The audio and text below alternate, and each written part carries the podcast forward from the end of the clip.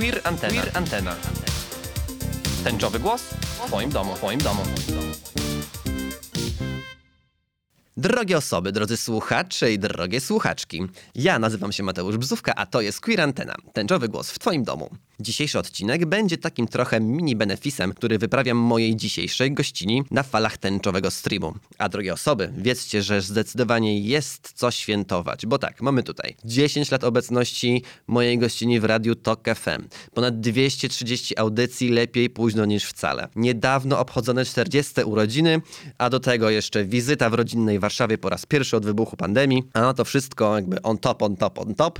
Wyprowadzka z mieszkania, które było skarbnicą queerowej historii nie tylko warszawskiej, ale myślę, że też znacznie, znacznie szerzej polskiej społeczności LGBTQIA+. Z kim dziś rozmawiam? Ano słuchajcie, z pierwszą Power Dyke w Polsce, wielką szu. Drogie osoby, przed wami cała taka o teatrze, ale i dużo, dużo więcej, Katarzyna Szustow. Miłego odsłuchu.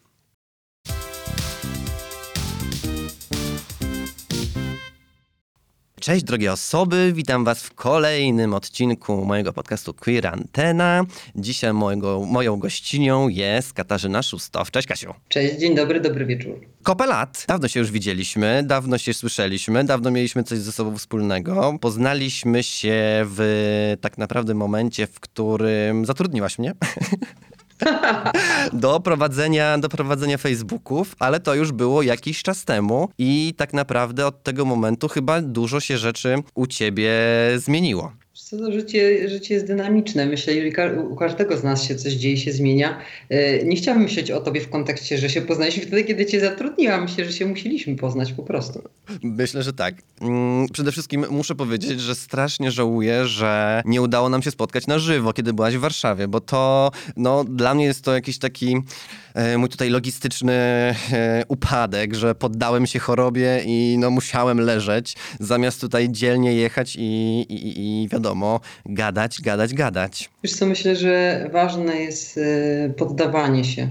Myślę, że za mało się poddajemy. Myślę, że taki ten pusz warszawski e, i pracy na dwóch etatach, jak nie na trzech, e, no się potem kończy jak się kończy, że potem nie ma się siły wstać z łóżka, więc ja byłam akurat bardzo zadowolona, że ty się rozchorowałeś, że się należało i trzeba było poleżeć w łóżeczku i trochę odpocząć, sobie poczytać i, i nie być w takim pędzie.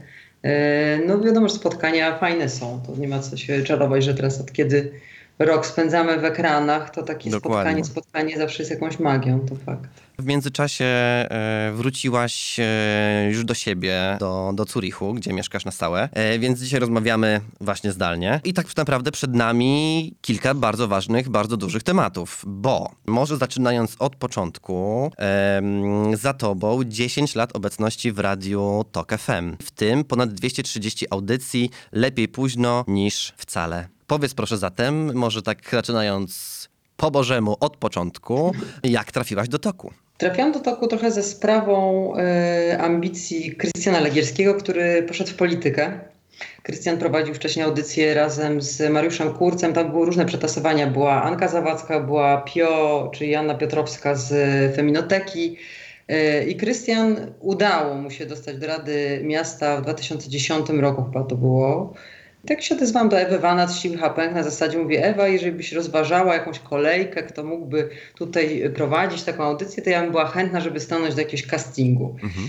No i, y, a tak pomyślałam, warto trochę jej powiedzieć, bo nie wszyscy muszą wiedzieć, kto jest gotowy i chętny, żeby poprowadzić. A ja byłam po rozstaniu wtedy z Radiem Roxy i mm, no, w taki sposób powiedzmy nie do końca fajny, więc miałam jakieś takie małe, ma, mały przypał był tutaj yy, i teraz stanie było jakieś takie trochę dziwne, ale taka, taki impuls, żeby yy, wrócić do radia, no wtedy się gdzieś pojawił, tak? Mhm. I ja Wawenant powiedziałam, mówi, słuchaj, spoko, dobry pomysł, w sumie nie mamy tej sekcji dziewczyńskiej pod kątem nieheteronormatywnym rozwiniętym, bo wtedy chyba Piotrowska czy Anka Zawadzka była, więc y, dziewczyny raczej są z opcji yy, w sumie nie wiem, tak, ale myślę, że mi jest bliżej do queeru niż im, tak mi się zdaje, e, żeby tak nie szufladkować ludzi. Mhm. I tak się zaczęła ta przygoda, więc, więc trochę Krystian ustąpił mi miejsca, tak można powiedzieć. E, no i rzeczywiście, wiesz co, niedawno policzyłam, że tych audycji było tak dużo. Po prostu usiadłam, przez lata myślałam, trzeba to w końcu spisać, trzeba w końcu spisać. Wróciłam z pewnego miejsca naszego tajemniczego, nie powiem gdzie, gdzie jeżdżę regularnie na surfing i tak usiadłam takiej po prostu totalnej, świetnej energii. Jak wróciłam, mówię, dobra, trzeba się tym zająć. I po prostu jak zaczęłam spisywać, zaczęłam te tematy tych ludzi, mówię, kurczę, to jest kawał historii. Dokładnie. I wtedy się do siebie odezwałam, mówiąc wprost, tak uprzedzając, jak to się stało, uznałam, że to jest jednak kawał, kawał naszego tutaj życia, naszej społeczności.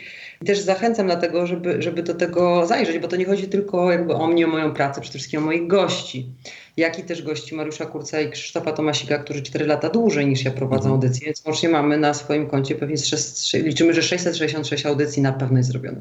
No to jest niewiarygodne, bo mm, czuję, że w jakiś sposób Queerantena jest właśnie takim jakby e, ideowym dzieckiem. Lepiej późno niż, e, niż wcale. To z jednej strony, ale z drugiej strony też przez bardzo krótki moment Mike Urbaniak i Maciej Nowak prowadzili audycję Homo Lobby w Radiu RDC.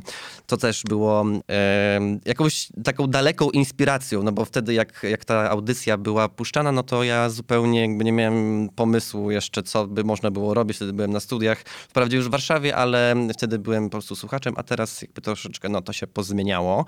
Lepiej późno niż wcale. Tak naprawdę była pierwszą taką audycją, która dotyczyła mm, nieheteronormatywnego społeczeństwa. Yy, tak i nie, bo my jesteśmy mhm. na pewno jedyną inicjatywą, która się utrzymała tak długo okay. i, nikt nas, że tak powiem, nie pożegnał, nie szczyścił i nie podziękował nam. Nowak z Urbaniakiem, oni jakoś później po nas weszli. Tak, pamiętam. zdecydowanie, zdecydowanie. Z rok była ta audycja prowadzona, kiedy Ewa Wanat była w radiu y, mhm. dla Ciebie. Więc to była tego typu historia. Tam też nie było tej sekcji tak zwanej dziewczyńskiej, tak? tak. To jest dość istotne, że mamy sporo tych, tych pomysłów y, i działań, które proponują geje. Ale wiesz co, ale co jest ważne, by, była jedna audycja i nawet była w radiu, nie w radiu, tylko w telewizji był program, który prowadził Piotr Piotrek Szuszkiewicz. Okay. I on był pierwszy z pierwszych, więc to jest coś, co w ogóle jakoś zniknęło i fajnie było do tego wrócić. On to prowadził chyba też z rok, wydaje mi się, ale to był, y, nie pamiętam tytułu tego programu, ale był w telewizji prywatnej jakiejś, też nie pamiętam której.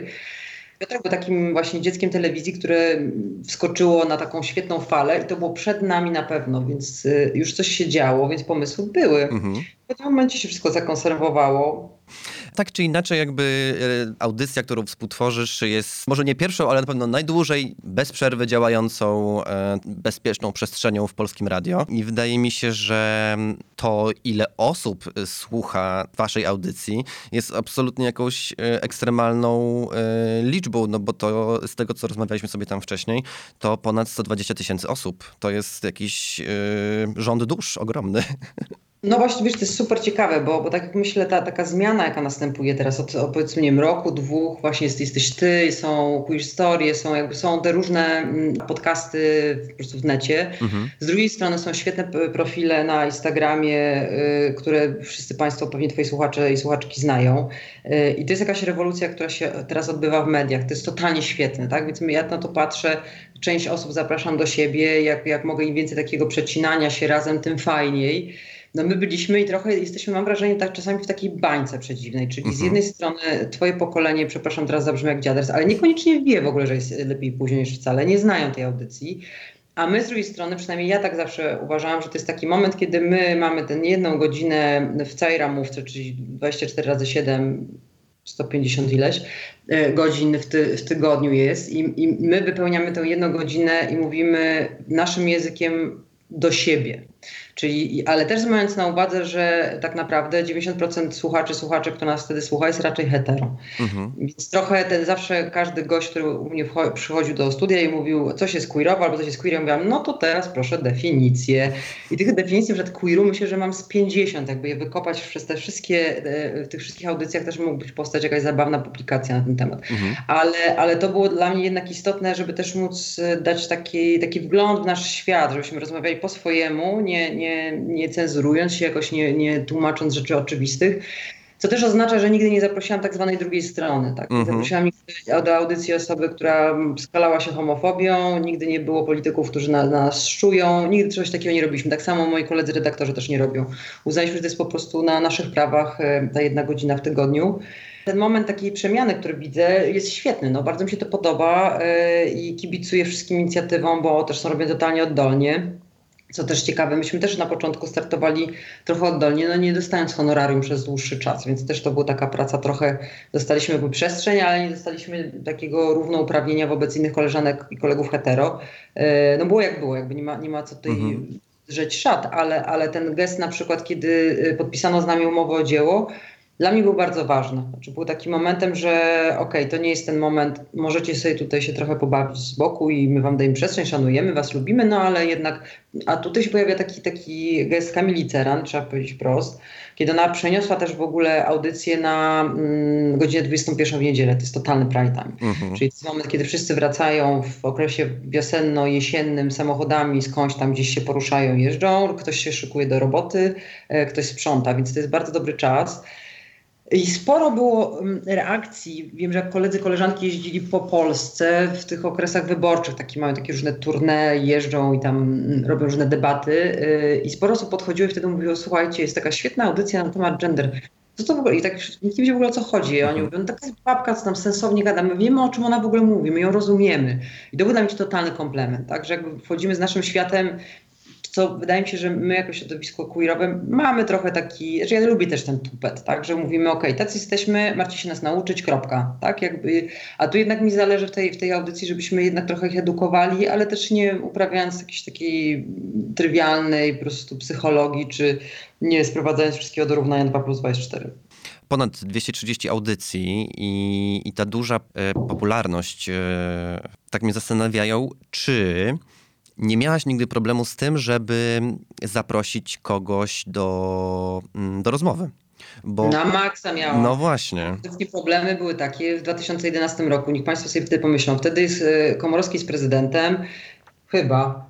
PO jest u władzy. Mamy totalną jakby taką, taki taką neoliberalny dyskurs, kiedy się mówi, że znaczy i, i w sumie widoczni są tylko i wyłącznie geje i tak raczej geje ładni, przystojni, pachnący E, z pieniędzmi, i to jest też bardzo ważne, mhm. którzy fajnie konsumują fajne rzeczy. E, I, I zapraszanie do audycji kogokolwiek, kto nie pasował do tego takiego idealnego obrazka, fajnego chłopca, idealnego zięcia, był bardzo trudny.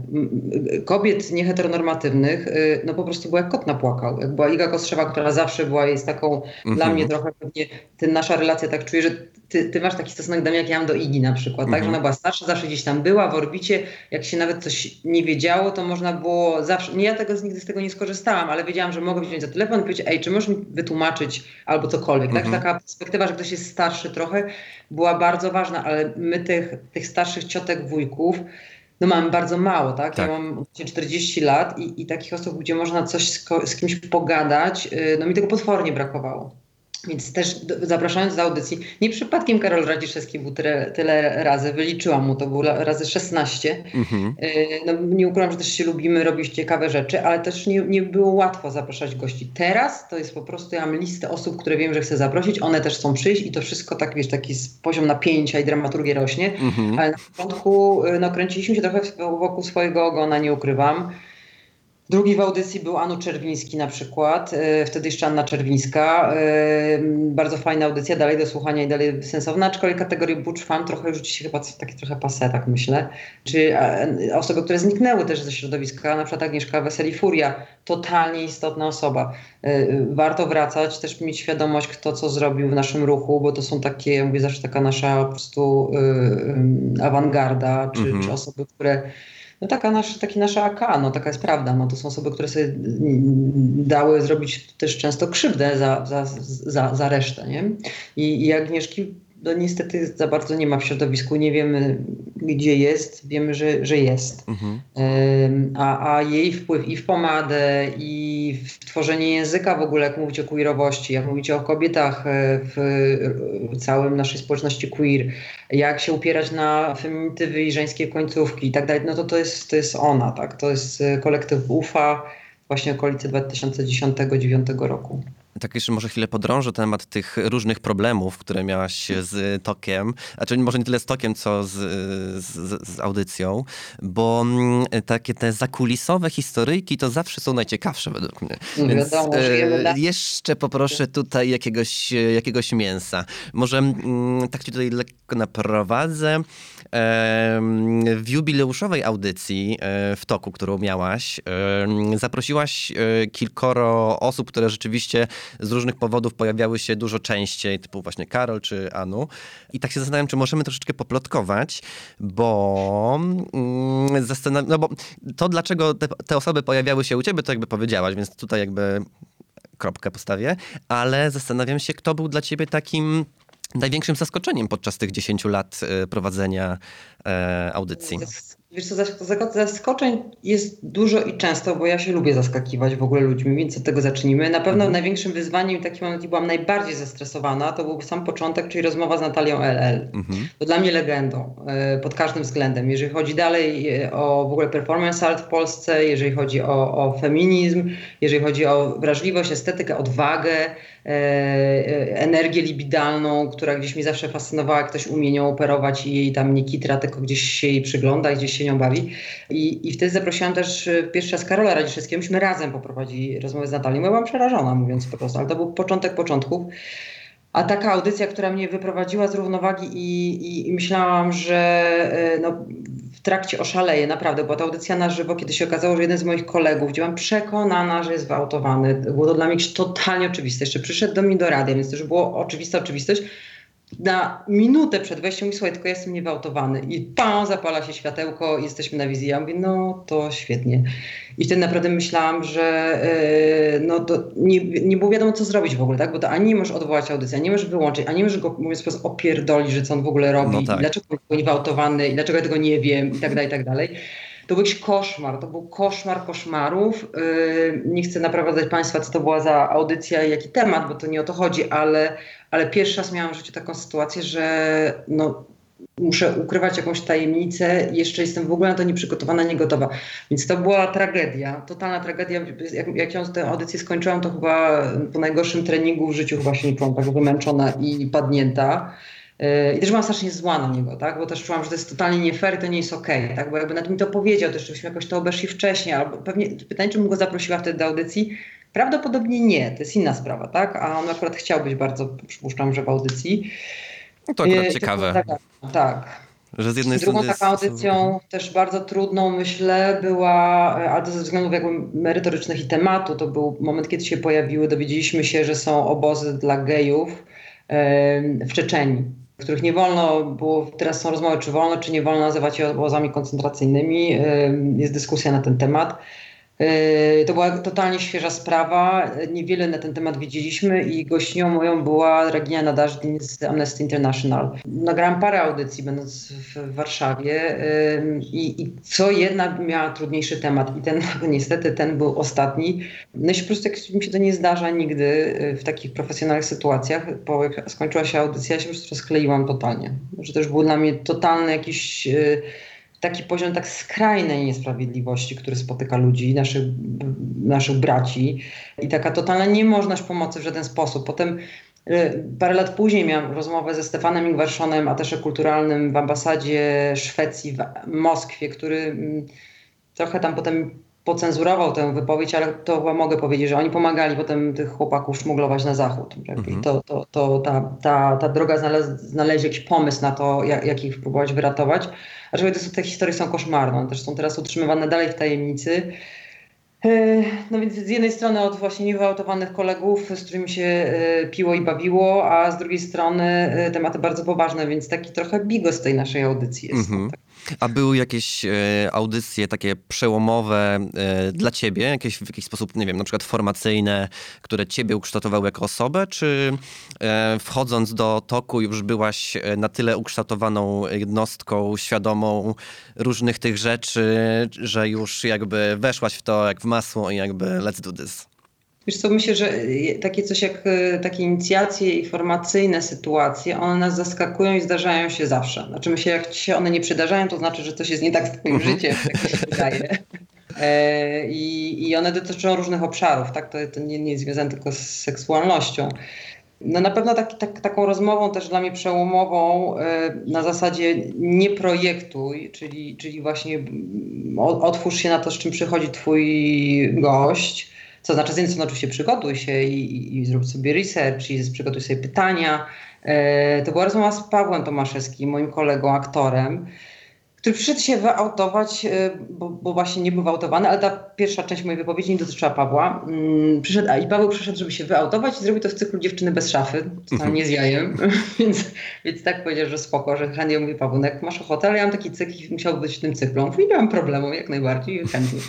No i, no i, i ta rozmowa z Pawłem myślałam, że będzie takie, no właśnie, że on tu jest aktorem, że mieszkał tutaj i teraz ma taki zespół i tak, tak, tak już widziałam, jak to, to jest trochę format jest tych rozmów moich e, dziewczyny bez szafy. Więc ja wiem, pytam o ten background, to był ten coming out, e, a, a tutaj było jeszcze ciekawiej, bo ten coming out się teraz wydarzał. Ale się okazało, że nasza rozmowa dość szybko zeszła na tematy bardzo poważne, czyli na tematy uzależnień, na temat chemseksu, na temat y, y, seksu pod wpływem narkotyków, grupowych przygód i tak dalej. I nie ukrywam, że myślałam, że mam przekonana, że on wszystko mi wytnie, wyautoryzuje i że po prostu, a ja mówię, dobra, idziemy w to, zobaczymy, co się wydarzy. To nie było na żywo. Żeby dać poczucie bezpieczeństwa swoim gościom, dlatego też Agnieszka Graf na przykład ostatnio się, y, też pierwszą rozmowę po Kamikaucie przeprowadziła u mnie i ta rozmowa z Pawłem y, chyba była najbardziej taką budzącą reakcję wśród odbiorców i odbiorczyń, zwłaszcza facetów, że bardzo mało się mówi o uzależnieniach, bardzo mało się mówi o, o tych krosowych uzależnieniach y, i ta rozmowa, a Paweł, no, mi, trzymamy za niego kciuki, oczywiście zdarzają się potyczki i, i, i potknięcia. Paweł jak na razie się trzyma, trzyma się świetnie, trzymam za niego kciuki i totalnie imponuje mi ta droga. Znaczy to jest to, to co jak on się tym podzielił tą swoją historią, no, było niesamowite. Jakby to jest taki, taka ta magia spotkania na żywo, o czym mówimy, że to jednak to, to jakbyśmy rozmawiali przez jakieś e, Zoomy, nie Zoomy i inne programy, jeszcze nie widząc się, to na pewno bym się tak nie otworzył. Ja bym też nie zadawała pytań, bo bym nie miała czelności w ogóle mhm. pytać o takie rzeczy.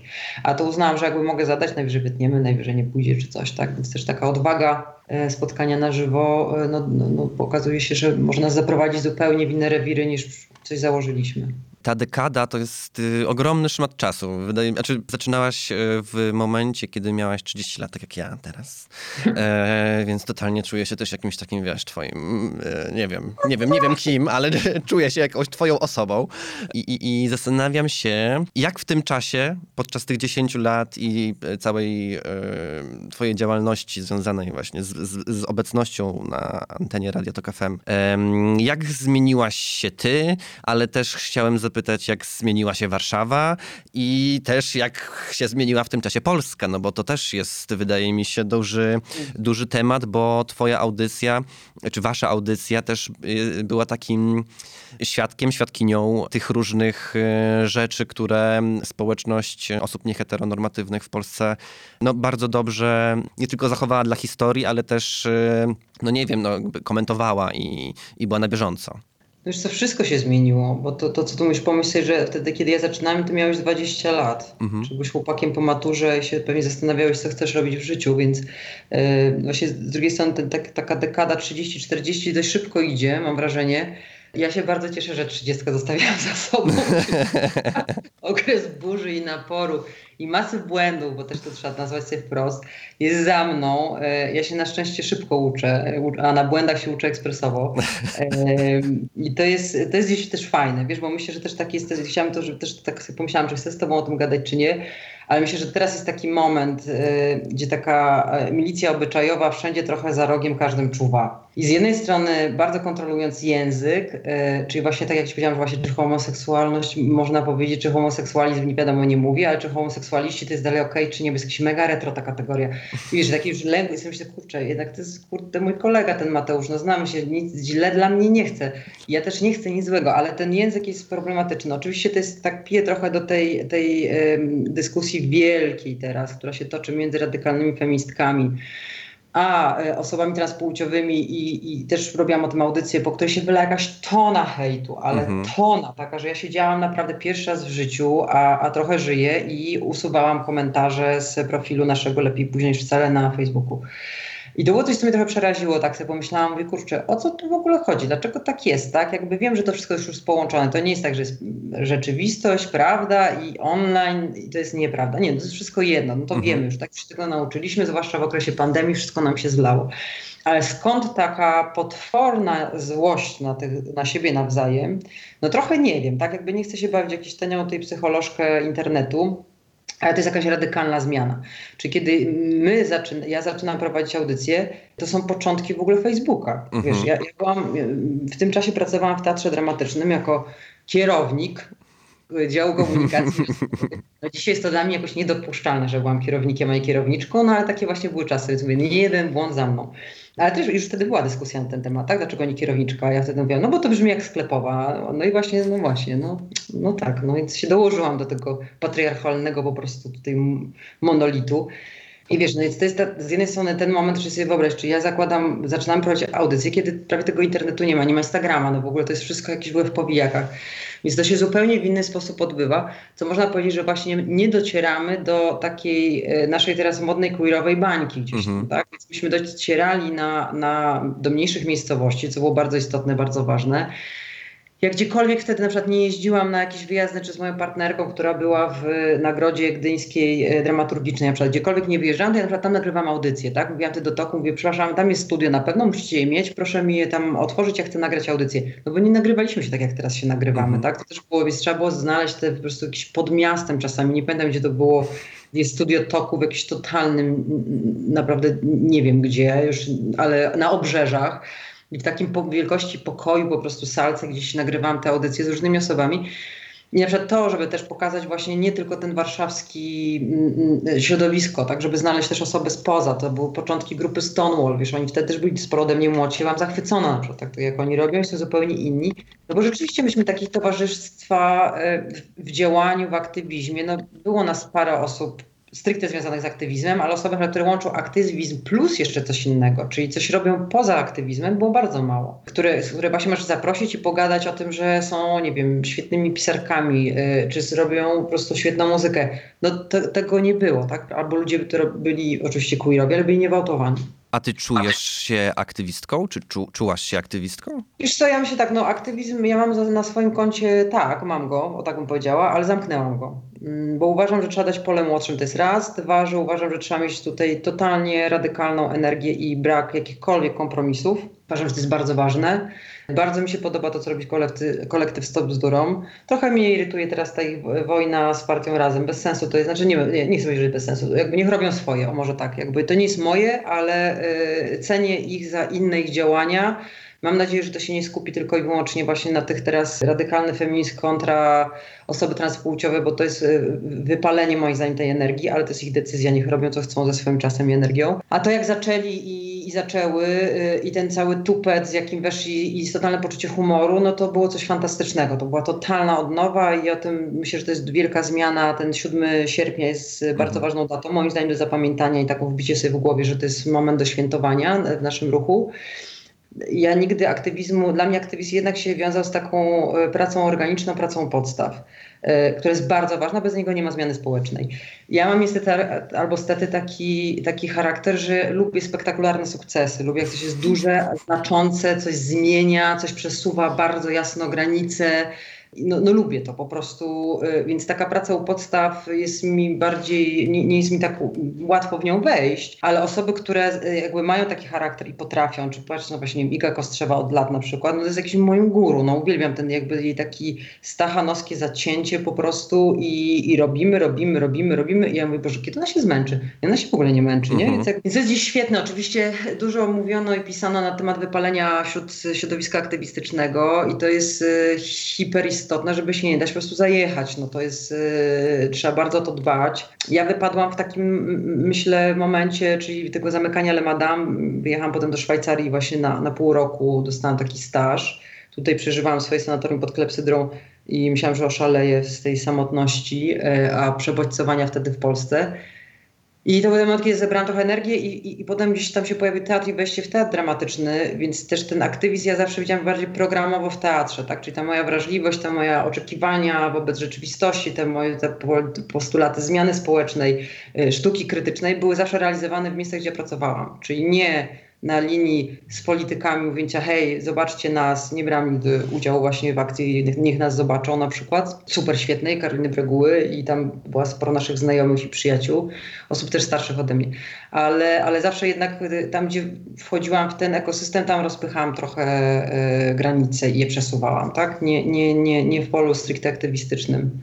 W ogóle myślę, że wiesz, że, że, że, im więcej nas działa w różnych swoich polach, tym lepiej. Jakby mamy organizacje świetne, one też mają teraz coraz lepsze finansowanie i z zagranicy. To nie jest ta sytuacja, jak to była kiedyś, że mm -hmm. tych pieniędzy w ogóle nie było. Tak, po prostu to się z tego nie dało się żyć. Tak, no teraz wydaje mi się, że ten kapitał łatwiej wyrwać z różnych miejsc. No trochę tak, a z drugiej strony też są inne oczekiwania. Wiesz, ja pamiętam do tej pory, yy, wiesz, ja zarabiałam w Le Madame, yy, pracując No dobra, to poczekaj w takim razie, bo zanim o Le Madame, to yy, jeszcze trzeba, myślę, że to jest ten moment, o którym ty mówiłaś, że tłumaczymy, czym jest queer. To tutaj tłumaczyć, czym queer jest, nie musimy, natomiast wydaje mi się, że moje, że osoby, które mnie słuchają, nie mają zielonego pojęcia, czym jest Le Madame. Więc dajesz. No dobra.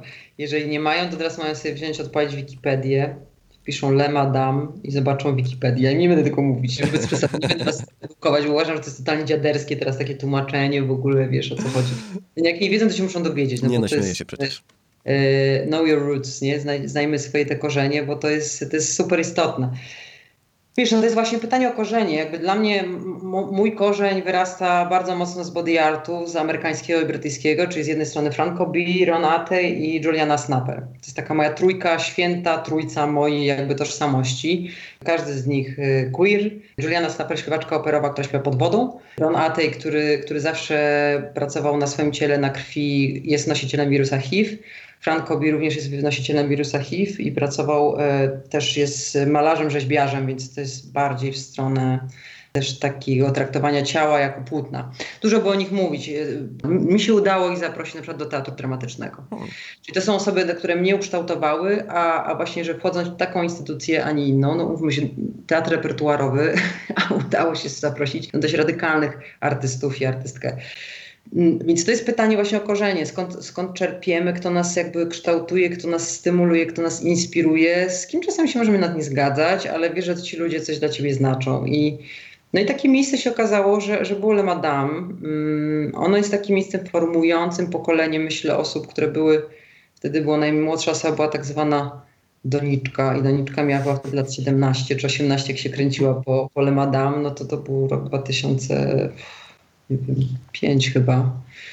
Teraz, teraz, teraz szybkie osoby, które szybko liczą, to sobie liczą. Czyli roczniki tam mm, 90 lata, tak, mm -hmm. w latach 90. Koniec 80.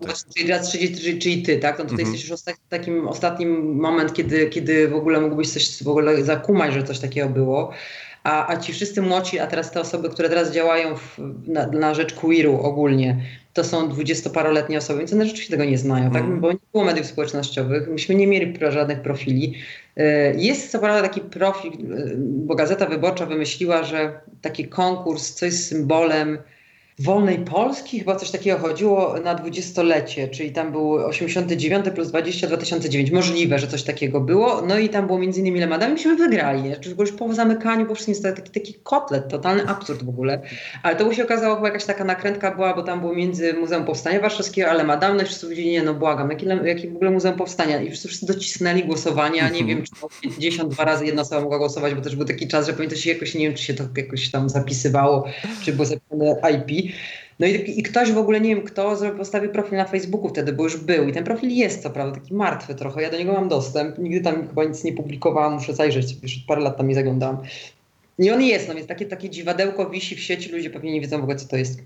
No i trochę nie ma tej historii, wiesz, no to, to ja też tak celowo przez lata pracowałam na to, żeby nie być Kaśką z Le Madame, mm -hmm. nie ukrywam, że to był bardzo dla mnie ważny taki też tożsamościowy jakby gest, bo to było no tak trochę na przykład, no, kocham anegdoty, na, na przykład, wiesz, y, cała okupacja, Polska żyje tym Le Madame, Gazeta Wyborcza codziennie ma jakieś newsy na ten temat, krzyczy na dziennikarzy czy dziennikarki, jak zapomną coś napisać codziennie w papierze, żeby była jasność. Więc jest jakiś w ogóle totalny odpał. I ja wtedy tak, Krystian, no taka prawda, wyjechał na narty wtedy, yy, całym, z tym całym z tym Majdanem i jadę samochodem, e, a potem już jest po tej okupacji, my organizujemy jakieś manify, le manify, e, spotykamy się pod Le Madame, tam wszyscy przychodzą i są jakieś koncerty, Joanna Szczepkowska, ktoś tam, ci Gwiezdni Kochankowie, koncerty, obłęd. I ja tak jadę samochodem po agregat i zatrzymuje mnie policja. Ja mówię, no to słabo, chyba, chyba nie mam prawa jazdy przy sobie. I tak się okazuje tak, nie mam prawa jazdy, nie mam przeglądu, znaczy mam, ale stary i nie mam ubezpieczenia. I wszystko jest źle, nie? I sobie myślę, to tak, a przecież za chwilę jest ten całe wydarzenie wieczorem, muszę ten agregat dowieść. No i wysiadł, tak widzę tego policjanta, jestem dość wysoka, więc też taka jestem duża i tak mówię do tego policjanta, mówię, nie może pan mnie zatrzymać. I tak zaczął tak spojrzał na mnie w ogóle, mówię, ale kto nie mogę? Ja mówię, nie może pan mnie zatrzymać. No i mówię, mówię tak, ja, tak, on jest tak totalnie wcięty, nie, że jest wściekły, tylko on po prostu kompletnie nie wie, co się dzieje. I ja tak mówię do niego, ja tak, tak, tak totalnie wchodzę na wyżyny mojej kobiecości wtedy, totalnie flirtująco, umiem to zrobić, już robię lat kiedy, ale potrafię to zrobić. Nie płacę mandatu dzięki temu. No i, i, i wtedy mówię do niego, mówię, czy kojarzy pan taki klub Le Madame? A on mówi, a kojarzę. O, i tak patrzę, mu się tak oczy otwieram, mówię, to pani z tą panią. Ja mówię, tak. A on mówi, dobra, siada pani i nie było tej pani i nie było tej rozmowy. Ja mówię, dziękuję. Wow. Jeżeli nas słyszy ten pan policjant, to go bardzo serdecznie pozdrawiam, bardzo dziękuję, bo to wydarzenie się potem odbyło, ten agregat dojechał i tak dalej, i tak dalej, więc nie zawiedliśmy naszych tutaj e, osób wspierających. No i wiesz, i to był taki moment, że rzeczywiście, e, e, wiesz, na Krystiana wtedy wrócił, jak zrobiłam mu karczemną awanturę, których mu nie robiłam, że po prostu tutaj cały świat po prostu stanął na głowie, a jego nie ma. I on wrócił z tych nart na Lemanifę, która była pod ratuszem. Myśmy też to zrobili tam właśnie za, za 105 zł, które kosztowała benzyna do agregatu, a tam była wielka scena z Kini Patryni Marsia Paraszek i w ogóle szaleństwo. I, I wtedy Krystian przyleciał i też na lotnisku, jak pani mówi, czy pan jest tym panem Krystianem, a on mówi tak, to ja. To też trzymam tam kciuki za Lemem Adam i tak dalej. Więc wiesz, nas, nas, ludzie po prostu poznawali na ulicy. Wow. E, e, pamiętam, że Szymon Majski się ze mną witał. Ja tak chcę myśleć, co to jest ten Szymon. Więc to było takie bardzo zabawne gdzieś, tak? No ale wiesz, jak masz 25 5 lat, no to co się może wtedy wydarzyć w twoim życiu, jak cię wszyscy rozpoznają na ulicy? Soduwa, Soduwa, jeszcze raz Soduwa. No Totalna. Nie no to jest, wiesz, to jest, to jest, więc i w tym momencie przyszedł takie zbawienie, czyli y, y, Fundacja Szwajcarska Prohelwecja wysłała mnie tutaj na 6 miesięcy na taki właśnie retreat, na, na reset. No i myślę, że to mi uratowało życie, że to było rzeczywiście odosobnienia i aszramy daleko mi do nich, ale, ale to było tutaj no, takie rzeczywiście dojście do samej siebie i trochę odklejenie się od, od tego, tych, tych wszystkich bodźców. No więc, więc tak, nie wiem, czy odpowiedziałam Ci na Twoje pytanie, bo zapomniałam, jakie było i sobie przypomniałam te zabawne historyjki, no ale wracajmy. Dobra, to y, ja sobie pozwolę na lekkie powrócenie, no bo mm, nazwać to miejsce...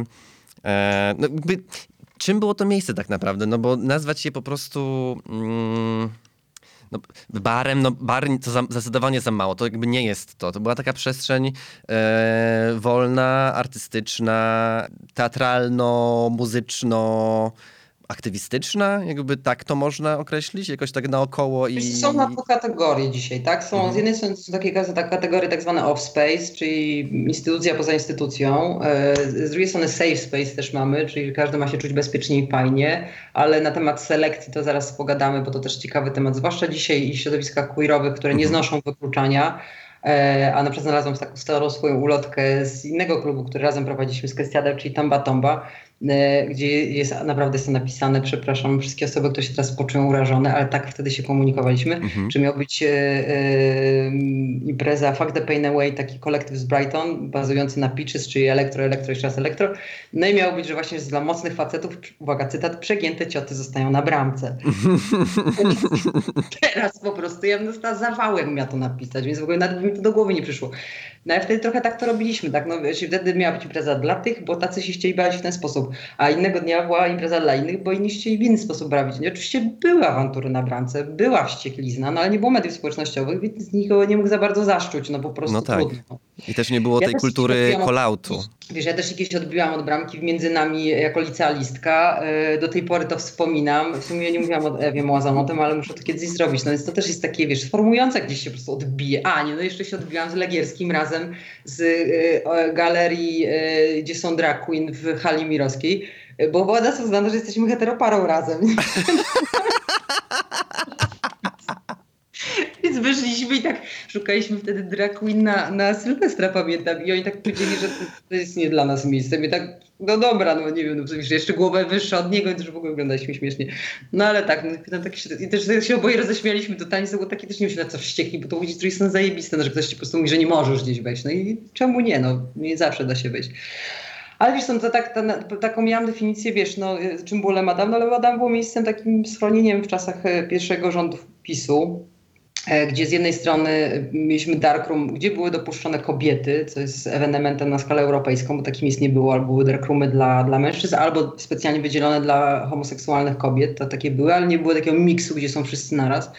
Więc z jednej strony tak, a z drugiej strony współpraca z ambasadą Szwecji czy ambasadą Norwes, Norwegii i, i konferencja o tęczowych rodzinach, który był dla mnie totalnym wtedy odpałem, nie wiedziałam co to jest, a dzisiaj proszę bardzo, wychowuję dziewięciolatka. A, a z trzeciej strony y, miejscem takiej ekspresji artystycznej nieskrępowanej zupełnie i to trzeba oddać Krystianowi, że on nigdy nie oceniał. Znaczy miał taką, taki y, y, fantastyczną cechę charakteru, której brakuje bardzo i, i też mi jej brakuje. Czyli on tak brał ludzi w całości, jakimi są. Czyli z jednej strony mógł tam być e, tak zwany nasz harcerz, kolega sporo starszy, który był zawsze w takim ubraniu wojskowo-harcerskim. Z drugiej strony była wróżka, która zawsze wróżyła i nigdy nikt nie miał problemu i po prostu przychodziła. E, z trzeciej strony była e, młodzież mniej lub bardziej rock'n'rollowa, czy grunge'owa, czy elektroniczna.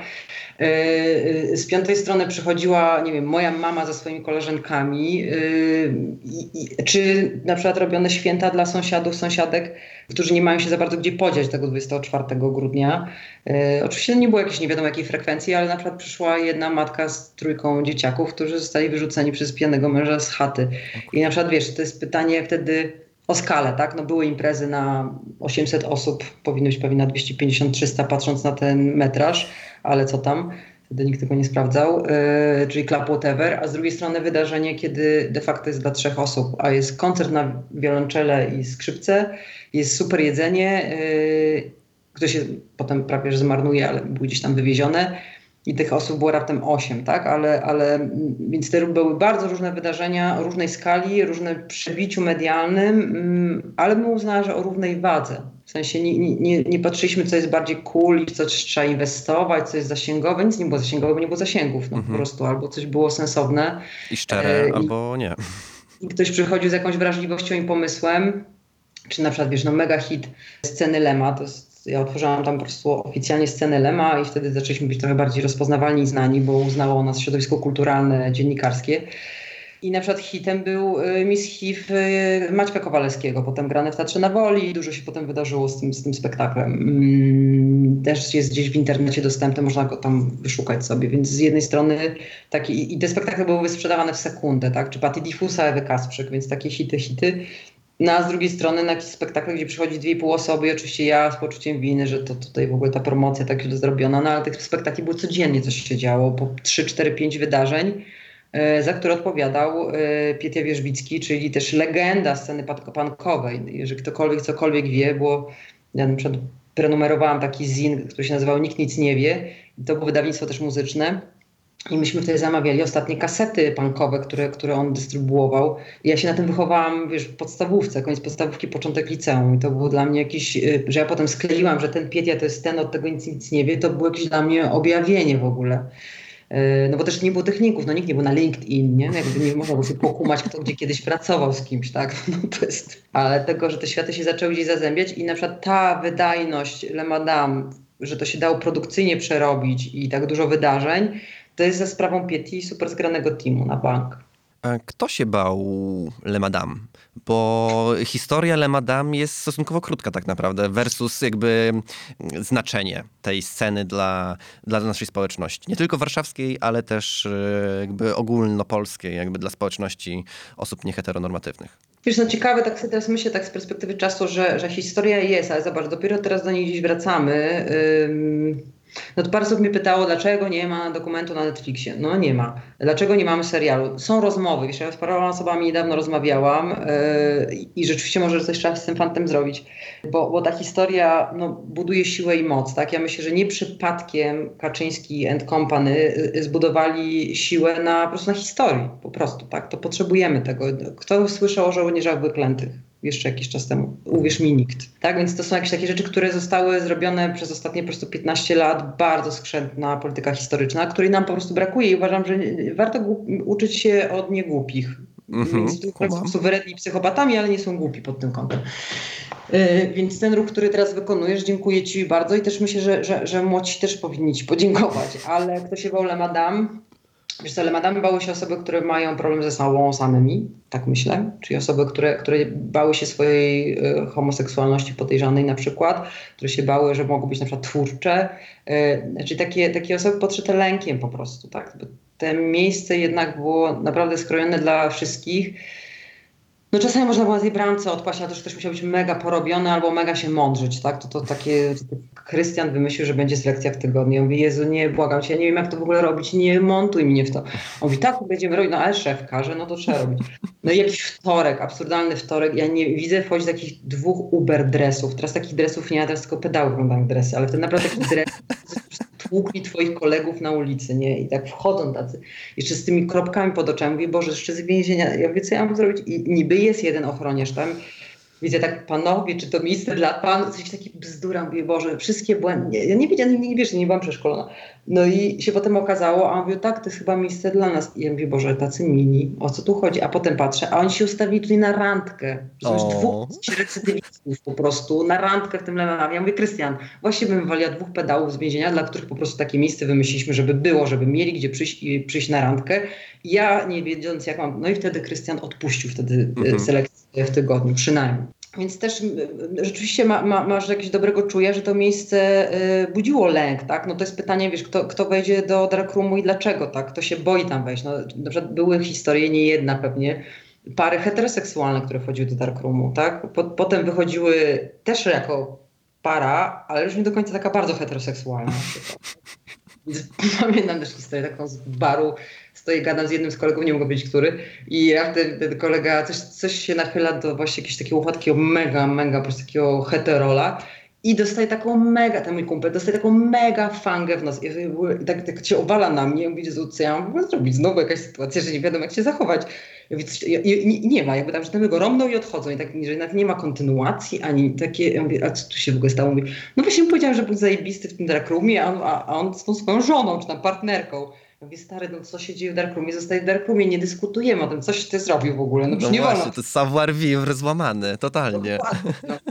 no. ale wiesz, do nic z tego też nie było wtedy, całych tych, ca tego języka myśmy nie mieli, myśmy się tego wszystkiego uczyli w praniu, popełniając właśnie błędy. No, staraliśmy się szybko uczyć na tych błędach ale nie było całego kod, do, od dress kodu, kończąc na e, języku po zasady seks party. No, myśmy gdzieś się próbowali wymyślić. No dobra, ale e, pytam też o to dlatego, bo no, są takie momenty, gdzie no, walka też o samo pozostawienie Le Madame w miejscu, w którym było i jakby ta sytuacja zamknięcia, jakby, bo właśnie jest tak, jest tak to wygląda e, z mojej perspektywy, że jakby ja nie, nie, ja nie, nie, ja nie pamiętam Le Madame, ja nie byłem nigdy w Le Madame, nie mieszkałem wtedy w Warszawie, to była zupełnie gdzieś historia odległa, ale jakby e, te rzeczy, które były związane z, z tym hałasem dookoła zamknięcia Le Madame, to już pamiętam. E... Dobrze powiedziałeś hałas, no można powiedzieć, że to, e, to było narzędzie do zamknięcia Le Madame.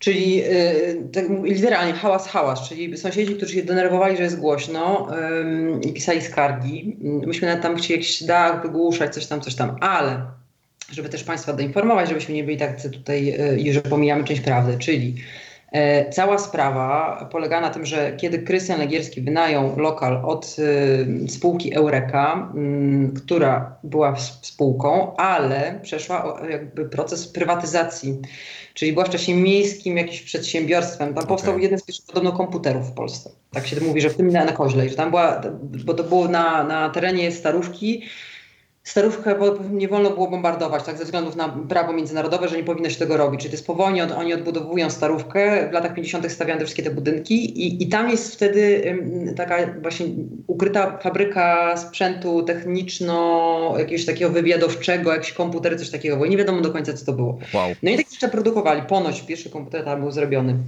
Dlatego na Starówce, żeby właśnie nie było zbombardowane i żeby przyszła trzecia wojna. E, I, I przychodzi 89, 91, oni się prywatyzują i przez lata jest proces o ten lokal. Nie wiadomo do kogo on będzie należał, czy on należy do państwa, czy on należy do miasta, czy on należy do tej spółki. W trakcie, kiedy Krystian i Ela Solanowska, bardzo ważna osoba, główna inwestorka w Lemadam, też trzeba powiedzieć, bez jej pieniędzy i jej rodziny pieniędzy w życiu by się to nie odbyło i bez jej wrażliwości i uważności, jak również. E, więc nie tylko Krystian ze swoimi szalonymi pomysłami, ale też druga noga, bardzo stabilna. I, i oni wtedy razem e, wynajęli ten lokal jeszcze od Eureki i Eureka mówiła chyba im wtedy, że są w trakcie procesu i nie wiadomo, co będzie z tym lokalem. To była wiosna 2005 kiedy y, jest pierwsze podejście komornicze, czyli komornik y, przychodzi i chce nas stamtąd wyrzucić, my robimy konferencję, jest tam dużo osób i się tam zabarykadowaliśmy i on po prostu odpuszcza. To jest jeden dzień i mówi, dobra, nie ma sensu, ale przychodzi za rok równo. No i przez ten rok Krystian po prostu i Ela Solanowska nie płacą czynszu, bo nie mają komu płacić, bo miasto wygrywa ten, ten lokal. Lokal przechodzi na, na, na własność miasta, Eureka go traci, y, nie wiem co się dzieje z Eureką, nie mam pojęcia, do sprawdzenia to jest. I po roku mm, niepłacenia czynszu, bo też były listy, które mamy, nawet ostatnio właśnie znalazłam przeglądając archiwum, są listy, gdzie piszemy, że prosimy o, o udostępnienie konta i chętnie będziemy płacili za, za lokal. Po roku jest jasny dowód na nielegalne zajmowanie y, lokalu. Y, no i komornik przychodzi i skutecznie dokonuje eksmisji po ośmiodniowej chyba okupacji, czy siedmiodniowej. Więc taka jest, taka jest historia e, prawna. A jakie pytanie mi zadałeś? E, dlaczego tak krótko trwało? Dlaczego tak krótko? No więc, więc y, tak, tak się ta historia potoczyła, jeżeli chodzi o lokal. Później wiesz, no to jest ten, ten moment taki mm, no, potwornego jakiegoś takiego wysiłku i działań tych związanych z y, dalej podtrzymywaniem jakiś, nie chodziło o jakąś taką historię, tak zwane legacy się teraz mówi, tak, tego mhm. dziedzictwa. Tylko myśmy byli w jakimś owczym pędzie, wiesz, ja po prostu właśnie ten Krystian na tych nartach, ja organizująca codziennie wieczorem jakieś takie, no takie jak się teraz mówi miesięcznice, tylko wtedy to było codziennice.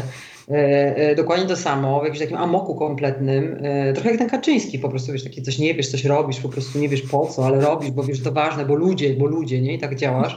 No i wtedy przy, przyjechał Krystian, mówi Kaśka, koniec z tym. Ja mówię, jak to koniec? Mówi, nie no przestań, no to jest w ogóle jakieś, już nie, nie wolno tego więcej robić. I miał rację oczywiście, tak, bo to by było w jakieś karykaturę by się zamieniło. Oczywiście był drugi lokal Tomba Tomba, ale miał zupełnie inny profil, był lokalem mm, hetero-friendly gay club, taki był podtytuł i było stricte gejowskim miejscem. Tam były co jakiś czas imprezy dziewczyńskie, ale to raz na tam, nie wiem, kwartał. I też, no wprost y, zostało mi zakomunikowane, że to nie jest ten profil i ci, ci ludzie, którzy byli w Lemadam, to niekoniecznie tam, tak? Mhm. Więc takie było, ja się wtedy oczywiście totalnie nadełam i się troszeczkę obraziłam, bo uznałam, że to jest bardzo nie fair, było jednak takie nazw- tej pozbycie się tych ludzi, tak? Ale to też są, wiesz, no, prawa biznesowe, tak? Jakby to też były prywatne pieniądze ich i, i oni mieli prawo robić, co z tym fantem chcą, no więc ta sprawa była przez lata y, y, miasto kontra Krystian Legierski, niedawno wygrana, więc ten dług został umorzony, całe szczęście. A, a, a mnie wtedy wywiozła Helwecja do Szwajcarii, więc tak się mhm. nasze drogi rozeszły i, i zawodowo więcej się już nasze drogi też nie spotkały. A to, że wtedy trafiłaś do Szwajcarii ma jakiś związek z tym, że teraz yy, mieszkasz w Szwajcarii na stałe, czy to jest zupełny przypadek?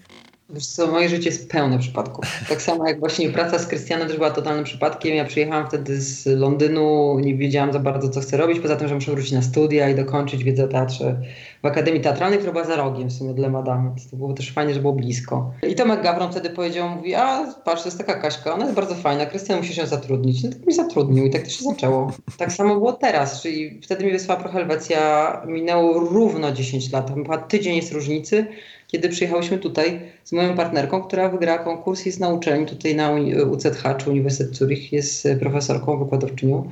E, I tak tutaj po prostu zjechaliśmy w 2016 roku i mieszkamy sobie. Mm, no, dużo sobie rozmawiamy o przeszłości, a no właśnie, a jak wygląda twoja teraźniejszość? Przez chwilę byłaś e, w Warszawie, gdzie to grzebanie w przeszłości queerowej robiłaś to na żywo tak naprawdę, bo twoje mieszkanie, które e, zwalniałaś, był, jest taką, czy, czy było, składnicą po prostu tych różnych artefaktów z przeszłości i tych różnych świętych gralów. Opowiedz proszę o tym. Co to był za moment? Wiesz co, użyję kategorii teoretycznej mojej partnerki. Tak, nie, nie, podobno tak nie wolno robić, ale wszystkie pary tak robią. My tak nigdy nie robiłyśmy, że jakoś nawzajem nie odcinałyśmy kuponów od siebie, ani się nie wspierałyśmy w takiej karierze tak zwanej. Mhm. Uważam, że trzeba zacząć to robić w sposób transparentny. Czyli Dorota stworzyła taki, taką kategorię mm, lat temu z sześć, myślę, nekroperformance'u. Czyli, że pewne rzeczy tak zwane nieożywione mają ożywioną moc. I, i, I, myślę, że te wszystkie przedmioty, czyli właśnie ta kula y, dyskotekowa z Lamadam, która tam była na balkonie, czy różne ulotki, czy właśnie te, te, te mm, pamiątki, czy relikwie, jak zwał, tak zwał, tak? Mhm. Tego, to jest mega siła. Nie przypadkiem Karol Radziszewski dwa lata temu, chyba dwa lata temu, w ramach pomady, którą robił, pod hasłem dziedzictwo wystawił właśnie na przykład tę kulę Lemada w wiesz, zbrojonym szkle w gablocie jako coś bardzo ważnego dla nas, bo to jest coś mm. ważnego dla nas. Co się działo pod tą kulą, tylko ta kula pamięta, my tego nie pamiętamy. E, I, i, I, takie przedmioty naprawdę mają moc, no, więc to jest, to jest pytanie, jak się z nimi obchodzić.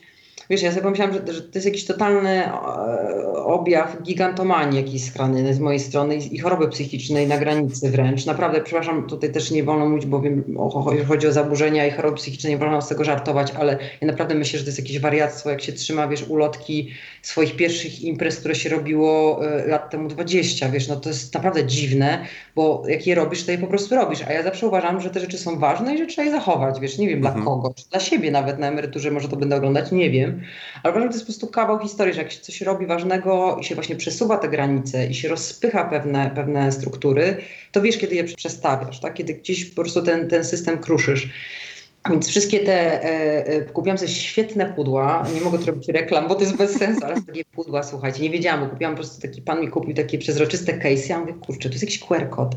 Jest cały do tego program, że możesz wszystko poskanować, powstać do telefonu, wiesz co tam masz, wiesz na jakim, pod jakim adresem to wszędzie jest, możesz mieć do tego totalny dostęp, to jest genialne, a z drugiej strony to jest totalnie analogowe, bo te rzeczy tam są. Mhm. No więc wyremontowałam sobie piwnicę, też paradoks, no, na, na terenie getta warszawskiego, czyli gdzie odbudowane są budynki w latach 50. z tymi muranowskimi ścianami, gdzie w tych ścianach są i kości, i zęby, i zegarki ludzi. To jest przerażające. Za każdym razem, jak jestem na Muranowie, a zwłaszcza w tych piwnicach, po prostu mam ciarki. I te całe te, te po prostu te moje skarby, albo nasze skarby, tak bym wolała myśleć, są tam. Są drzwi pancerne, wszystko jest przygotowane, e, kratki wstawione, żeby tam szczury tego nie wyżarły. No i będzie czekało, więc jak ktoś ma ochotę nad tym pracować, zapraszam. No, kula z Lemadan to jest jedna z, jedna z tych rzeczy. Szybciutko chciałbym dwie pamiątki wspomnieć. Pierwsza to y, medal od twojego taty.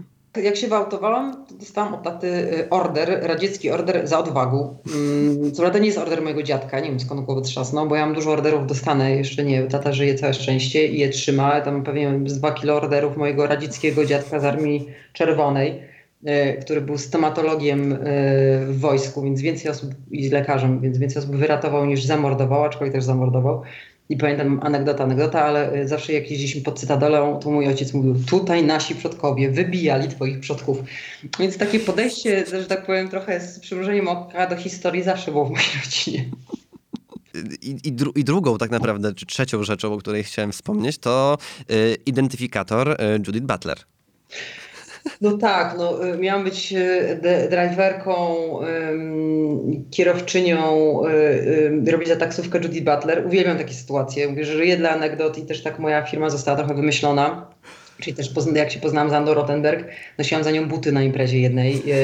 I, znaczy sama się zaoferowałam do tych noszenia tych szpilek, bo wiedziałam, że ich nienawidzi, ale musiała w nich wystąpić, więc potem po prostu przyniosłam tej wygodne kapcie ale no, też nie mam z tym problemu, wiesz, jakby te, też tak jak mój ojciec mi wychowywał, że podjeżdża do jego, ku, jego kumpel tak robi, to, to nie żart, że podchodził ktoś na stację benzynową i, i on wtedy mówił, Ma, masz stówę, wyczyść mi buty. I wszyscy, jak to panie, w ogóle o co chodzi? A on mówi, to daj stówę, ja tobie wyczyszczę.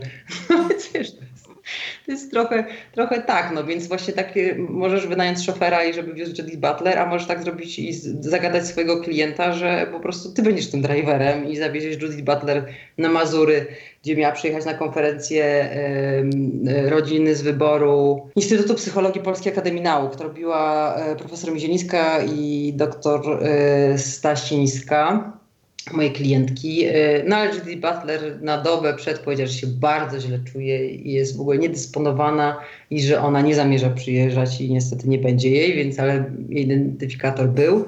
No wiemy na marginesie niestety z innych y, opowieści o Judy Butler, totalnych plotek, no najwyżej nas pozwie, trudno, y, no, że ona do Polski nie zamierza jeździć, chociaż była w Polsce, więc to jest nieprawda, ale tak nagadała koleżankom moim znaczy, i kolegom, którzy mi to donieśli, że po prostu ona twierdzi, że tam są te polskie obozy koncentracyjne, celowo mówię polskie, i że ona tam nie będzie po prostu jeździła. No więc trochę hardcore, jeżeli takie ma stanowisko, no ale tak to jest z gwiazdami po prostu. E, teraz już wróciłaś e, do Zurichu. E, tęsknisz trochę za tą Warszawą, czy, czy nie bardzo? Jak tęsknię, to przylatuję. Mm, bardzo tęskniłam w trakcie pandemii, brakowało mi przyjaciół. To rzeczywiście było trudne i ten, ten moment lockdownu wspominam trudno, ciężko. I rzeczywiście jak jestem, to mam ten czas bardzo intensywny. Po tygodniach już tak się naspotykam, to potem już mam tak dosyć tego wszystkiego i te spotkania już nie są takie fascynujące jak na początku, że tak sobie patrzymy w oczy i patrzymy, nie że przestać się patrzeć, ale, ale, ale no też ja się zmieniłam, tak? Mnie nie ma 6 lat w Polsce, 6, nie, 5, 5. E, no a jakby doliczyć Berlin, jeszcze tam pół roku byliśmy, to pewnie 6, więc to jest rzeczywiście duża zmiana. Mhm. Ja wcześniej byłam często w Polsce, byłam co 3-4 tygodnie, na tydzień, 10 dni, 2 tygodnie, więc, więc byłam często. E, no obecnie jestem 3-4 razy do roku, myślę, więc jest to zupełnie inny rodzaj bycia, no ale też się wszystko przeniosło do online, tak więc mhm. też jest troszeczkę to się zmieniło. Warszawa jest dzika dalej, Warszawa jest ambitna, Warszawa ma fantazję, Warszawa ma kompleksy, które są bardzo stymulujące, tak? No, których tego nie ma, który jest bogaty, stabilny, zdrowy, efektywny, przyjemny, tak? Jak, jak ci jest dobrze samemu ze sobą, to to jest fajne miasto, to zdecydowanie tak, ale, ale ono jest y, no, gdzieś, y, nie ma takiego drive'u, no. To jest oczywiście wykańczające na dłuższą metę w Warszawie, to męczy. Tak jak ci powiedziałam, że dobrze, że się rozchorowałeś, uważam, że dobrze, że trzeba móc chorować. To jest mhm. jakoś taka, taka paranoja, że nie wolno. Wolno, wolno odwoływać rzeczy, tak? Nie, nie jeden za drugim, bo to jest też inna, też teraz taka moda, trochę zauważyłam wśród młodych ludzi, takiego ciepłego walkowera, że to cała ta queerowa teoria porażki, nie chcę o tym gadać, a taka się zbójda na resorach. Ale Oczywiście w eksperyment jest wpisana porażka, to jest zupełnie co innego, ale trzeba podjąć jakieś działanie, tak? Mhm. A nie siedzieć na sofie i mówić fajnie, że mam nadwagę i fajnie, że w ogóle nic mi się nie chce i to jest super fajne, jestem super queerem. No nie, no jesteś po prostu, na tapczanie siedzi leń, no po prostu. Totalnie. Ale, ale wiesz, to jest i te, i te ambicje i ten taki drive warszawski jest fajny, tak? To, to, to jest y, gdzieś czegoś, czego mi bardzo brakuje i zwłaszcza tych takich, no mówię, tych ambicji y, i tych kompleksów, które, które gdzieś pchają. Też o tym nie gadaliśmy, ale wiesz, energia w Warszawie też jest za sprawą bardzo dużej liczby osób przyjezdnych, tak? I to jest, to jest świetne. Jakby ja jestem warszawianką od pokoleń po linii matki, tak? Z drugiej strony jest ojciec ze Związku Radzieckiego. I, i, I, ta energia takiego, takiego miksu yy, no jest super, tak? To jest, to jest coś, co daje napęd temu miastu. Oczywiście może być, że jedna czwarta w których też jest przyjezdna, ale Szwajcarzy bardzo jasno dzielą, kto jest nasz, a kto nie jest nasz, tak? Możesz mieszkać 10 lat, płacić podatki 10 lat i nie móc głosować wyborach lokalnych nawet, tak, decydując na temat wysokości krawężników na przykład, nie? Więc to są, ta, ta, ten, ten moment takiego ich oddzielania się y, no jest totalnie obcy Polakom i Polkom. To jest bardzo, bardzo dziwne. E, chciałem zapytać tak naprawdę jeszcze o dwie rzeczy. Pierwsza z nich to to, czy mieszkając w Szwajcarii i, i wiodąc swoje, e, no myślę, że bardzo tęczowe życie, E, czy, czy, czy, czy dojeżdża cię ta Polska z perspektywy? Wiesz co, nie wiem co to jest bardzo tęczowe życie. Zawsze myślałam, że moje życie jest bardzo normalne i wydawało mi się, że ono jest yy, po prostu fajnym życiem. Yy. I nigdy, teraz dopiero tak sobie zdaję sprawę, że rzeczywiście ono nie jest jakieś takie mm, standardowe. Mhm. po tych 40 jak miałem taki bilas, mówię, aha, no tak, to rzeczywiście nie jest normalne, że trzymasz ulotki sprzed 20 lat na przykład, tak, albo właśnie takie, nie wiem, jakieś jakichś takich masę jakichś takich dziwnych rzeczy tam było. Um, ale każde coś znaczyło, tak. Więc, więc myślę, że te, te życia, um, właśnie powiedziała, że one jest właśnie totalnie no, no, normatywne wręcz, tak? Ja jestem w związku od 15 lat, y, y, y, mam dziewięcioletniego syna, płacę podatki, prowadzę firmę, y, zachowałam się fair wobec pracowników, czyli wypłacałam pieniądze w trakcie lockdownu. E, jak miałam pomysł na zmianę firmy i na zmianę koncepcji w ogóle funkcjonowania, bo wszystko się wywaliło, powiedziałam o tym trzy miesiące przed pracownikom, żeby mogli się przygotować. Więc wiesz, tak nie czuję, żeby tu było tak właśnie jakoś tak um, paradoksalnie właśnie eks, e, e, eksperymentalnie, tak? Jakby mhm. to jest właśnie, że ten eksperyment ja opatruję bardziej w tym polu kulturowym i to mnie gdzieś fascynuje, e, a, a tutaj mówię, że to jest taka, taka jednak może nienormatywne jest to, że rzeczywiście my się lubimy słuchać się po prostu bardzo lubimy tutaj wszyscy y, w tej mojej rodzince i, i te zmiany, które, nad którymi pracowaliśmy parę lat temu i wprowadziliśmy różne właśnie takie inne spojrzenie na relacje i na związek, żeby, żeby się bardziej na sobie skoncentrować, a nie na tym rozproszeniu warszawskim na przykład. To też nam emigracja dużo dała, że jesteśmy sobie troszeczkę sami, więc trzeba też się y, bardziej słuchać, bardziej szanować i po prostu lubić. I tak Mhm. tak się stało. Myślę, że te, ta, ta relacja nigdy nie była tak głęboka, jak jest teraz. A, a to, co się dzieje w Polsce, no to też ta decyzja związana z mieszkaniem, tak, że, że, że to, co się dzieje w Polsce jest przerażające i, i dla mnie ta siła, z którą właśnie nawet Stop Bzdurą i inne, i czy kolektyw Opór i masa różnych działalności queer pozytywnie, jakby, że to, co oni wykonują tę pracę, no jest fantastyczną robotą, tak, jakby ten moment jest potwornie trudny i on się będzie jeszcze konserwował niestety, to, to jeszcze jest jakiś czas, tak. Nawet jak będzie zmiana w rządzie, to to, co oni zasiali, y, to będziemy niestety zbierać Mhm. przez lata. Wiesz, mój syn nie wie, czym jest homofobia, bo tylko nie, nie za tego terminu, ani nigdy go to nie spotkało, tak? Najwyżej musi tłumaczyć, że ma dwie stare, tak? No to jest jedyne... I wtedy wszyscy ludzie mówią, a okej, jasne, nie? I lecą dalej, więc to jest, to jest jedyne, on, on w ogóle nie ma świadomości jakby... Yy, no bo właśnie wiesz, to cała szkoła, wszystko jest tak normatywizujące nasze relacje, Mhm. chwilę będzie równość małżeńska w Szwajcarii, która za pomocą referendum zostanie wprowadzona, tak? Nawet nie rząd lewicowy to wprowadza, po prostu no są takie rodziny, są, trzeba coś z tym zrobić, trzeba. No to pach, zrobione, prosta sprawa, tak? Wiesz, no będąc na- emigracji nie da się niestety y, z tej Polski wypisać, no. To jest, to jest coś, że tutaj sprawdzasz newsy, tu mnie interesuje polityka, tu znam y, swoich bohaterów z przedszkola i tak dalej, kojarzysz, wiesz, kim był, y, nie wiem, Tymiński, no jakby, a tutaj taki tu, szwajcarski Tymiński, nie mam pojęcia, kto to w ogóle jest, tak? Zanim się dowiem, to wiesz, to może mój syn będzie wiedział. No tak, no ta, ta, ta, ta Polska jest, ale myślę, że to jest też ważne, bo, bo dalej, wiesz, no, prowadzę audycję i dalej czuję, że ten właśnie mój aktywizm taki maleńki już y, pozostał w y, Radiu Tok FM. To może takie pytanie na, po, na koniec i tutaj zapraszam, żeby cię poniosły wodze wyobraźni i, i metafory, metafory, metafory. Em, lepiej późno niż wcale? Lepiej wcześniej z błędami, no. tak myślę, wiesz, tak, że, że, że warto robić błędy. Tak, tak mogę coś powiedzieć, bo wiem, że ty masz młodą publiczność Tak. i, i zachęcam was teraz, taki, taki, lubię taki na koniec, taki zwrot, wiesz, do, do No tak, puenta. Takie i, i, i lubię też to, za, zachęcam tak moje słuchaczki właśnie w cyklu Dziewczyny bez szafy, raz niektóś tam w ogóle gotują, robią i nie wiedzą, co mają powiedzieć i wtedy musimy to wyciąć jeszcze. Ale, ale tutaj jako właśnie, że tak powiem, no już taka wyga w tym, tym obszarze, e, więc jak teraz nas słuchacie, młode, drogie osoby, które macie pewnie z 20, 20 parę lat, e, no myślę, że warto robić błędy. Nawet po prostu takie, które się potem człowiek wstydzi, rano mówi, Jezu, co to w ogóle było bez sensu kompletnie, teraz trzeba wszystkich przepraszać, albo trzeba jedną osobę przepraszać.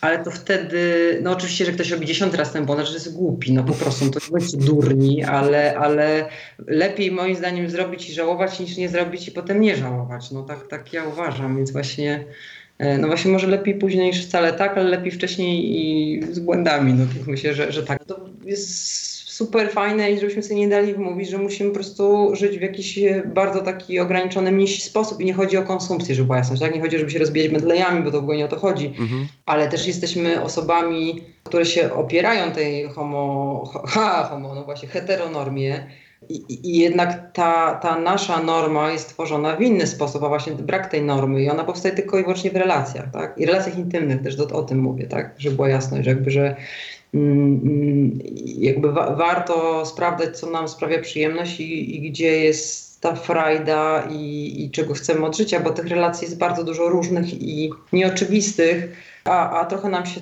odbiera możliwość robienia błędów. Oczywiście dużo bym z chętnie pogadała, o czym, czym jest świadoma zgoda i tej całej mojej pracy teraz, jeżeli chodzi o intymność. Mhm. w No bo to jest taki nowy wątek w To twoim jest życiu. nowy wątek, duży wątek, Mhm. więc chętnie z tobą zrobię inną oddzielną audycję yy, i na pewno te błędy, ale przy świadomej zgodzie. To, to bym tyle tylko postulowała, że już tam nie, nie, nie, nie przeginajmy, ale, ale warto zapytać i wiedzieć, yy, czy to jest okej, co robimy, to jest okej, ale warto po prostu próbować i, i też prostu sprawdzać. No. To tak, tak myślę, że to się, do tego bym chyba zachęcała. Myślę, że to było le madame, że, żebyśmy trochę nie, nie, nie, nie liczyli, nie, nie, nie szacowali efektów, tylko sprawdzaliśmy. A powiedz mi, skąd przez te wszystkie lata czerpałaś nie tylko tą pewność siebie, która jest też taką rzeczą, którą tak naprawdę pamiętam jako pierwszą, gdy, gdyś poznaliśmy. E, pamiętam, że e, to było e, pod jeszcze starym państwo miasto na pewno. To było, ja wtedy pracowałem w Centrum Architektury. Ty wtedy prowadziłaś Szóstow Kultura Komunikacja i jakby to był ten moment i pamiętam po prostu, bo też może to też warto powiedzieć, że byłaś jedną z pierwszych kobiet nieheteroseksualnych, które miałem okazję poznać na żywo. Zawsze się zastanawiałem, po pierwsze, skąd u ciebie ta pewność siebie, ale druga rzecz, skąd ta ogromna siła do działania, bo też kojarzę cię jako absolutną, absolutną petardę. Wiesz co, pewność siebie to myślę, że to jest jednak moja mama. Znaczy raz, że radziecki ojciec to jest jedno, ale ojciec jest dość delikatnym powiedziała, a, a matka jest właśnie warszawianką od pokoleń, prażanką, yy, architektką, która e, znając 7 dni, 8 lat młodszego faceta patrzmego ojca, oświadczyła mu się sama z siebie, no więc... E, taki Mając taki wzorzec, ciężko być inną osobą. Tak, no i, sporo takich przygód z mamą jeszcze było. Mama teraz na stare lata trochę tam spuściła stonu i skręciła w inne rewiry, ale no jest postacią, myślę, że na nie jeden film czy książkę, no to, to wiesz, też była, wiesz, mi stodoły tam chyba 68 czy 67, no dużo, dużo było nie opowiadać, ale, ale tak, nie, nie jednego męża miała, nie jednego kolegę miała. Więc ja naprawdę się zapałam na okres bardzo monogamiczny mojej mamy, jak i potem w ogóle oddania kościołowi i tak dalej, więc to jest, te historie są po prostu rodzina. Ale też, że to jest moja matka i też jest taką niesamowitą siłą charakteru, odwagą, e, nie wiem, wiesz, otworzyły się granice w 91, wsadziła mnie w autokar mojej ciotki, która robiła wycieczki, e, zapakowała namiot, wiesz, no, ona wtedy miała 50 lat chyba moja mama e, i wpakowała e, e, mnie w ten namiot i myśmy ruszyli z wekami zwiedzać Europę. Ja tak spędzałam wakacje, wiesz, z nią co roku, tak? Więc też jest jakiś w ogóle, bo ona miała jazdę jako architektka, żeby to wszystko oglądać, tak? Mhm. Pamiętam z tej pory, że trzeba było iść na koniec miasta, bo nie było kasy na jakieś metro czy transport miejski, więc myśmy chodziły, żeby zobaczyć nie wiem, jakiś kościół czy jakiś budynek, bo ona go znała. Mówiłam sobie, Boże Święty. I wtedy był oczywiście deal taki, że następnego dnia możemy na basenie, na kempingu spędzić, więc było dobra, win-win. to jest moja mama. Yy, która też musiała dać radę w ciężkich latach 90. sama mnie wychować, więc to też jest taki, tak, taki trzeba jej oddać tutaj hołd, że, że okres potwornie trudny, bycia z, masowe zwolnienia z lotu i bezrobocie yy, i yy, no, dziecko musiała wykarmić udało jej się to.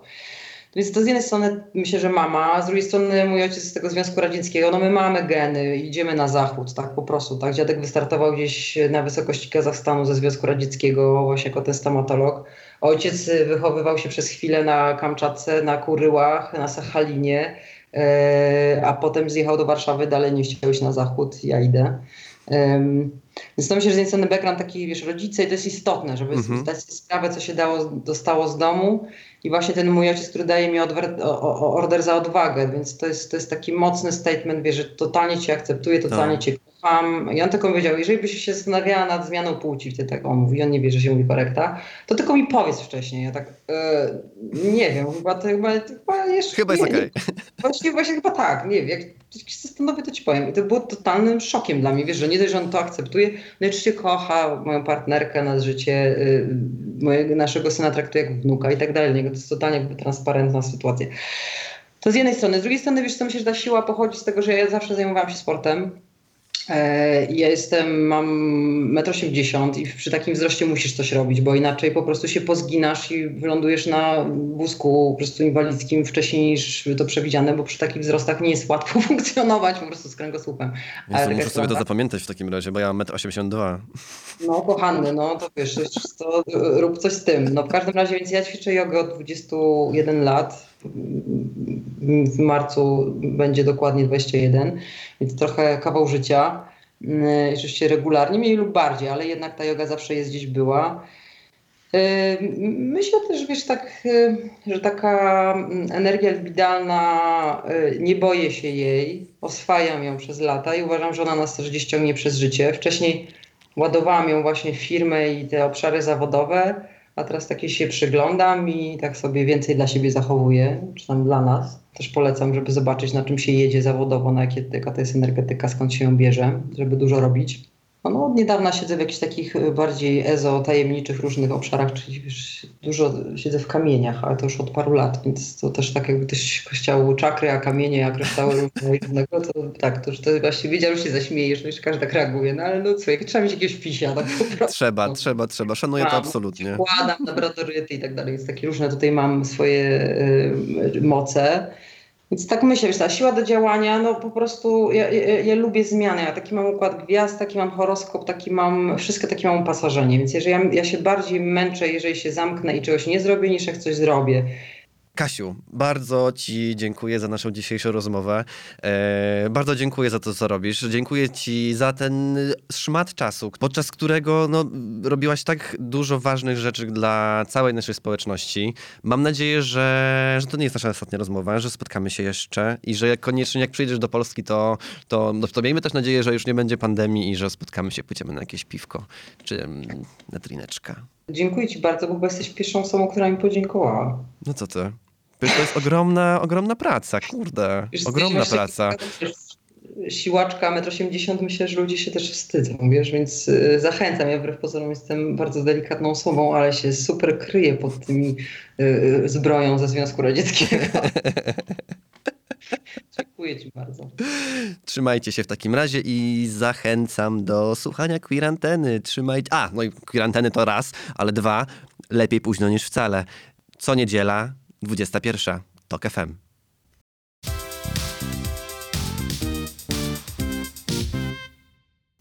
Gadałem ja, Mateusz Bzówka, moją gościnią była Katarzyna Szustow, a to była Queer Antena. Tęczowy głos w Twoim domu. Do usłyszenia już za tydzień. Queer Antena. Queer Antena. Tęczowy głos w Twoim domu. W Twoim domu.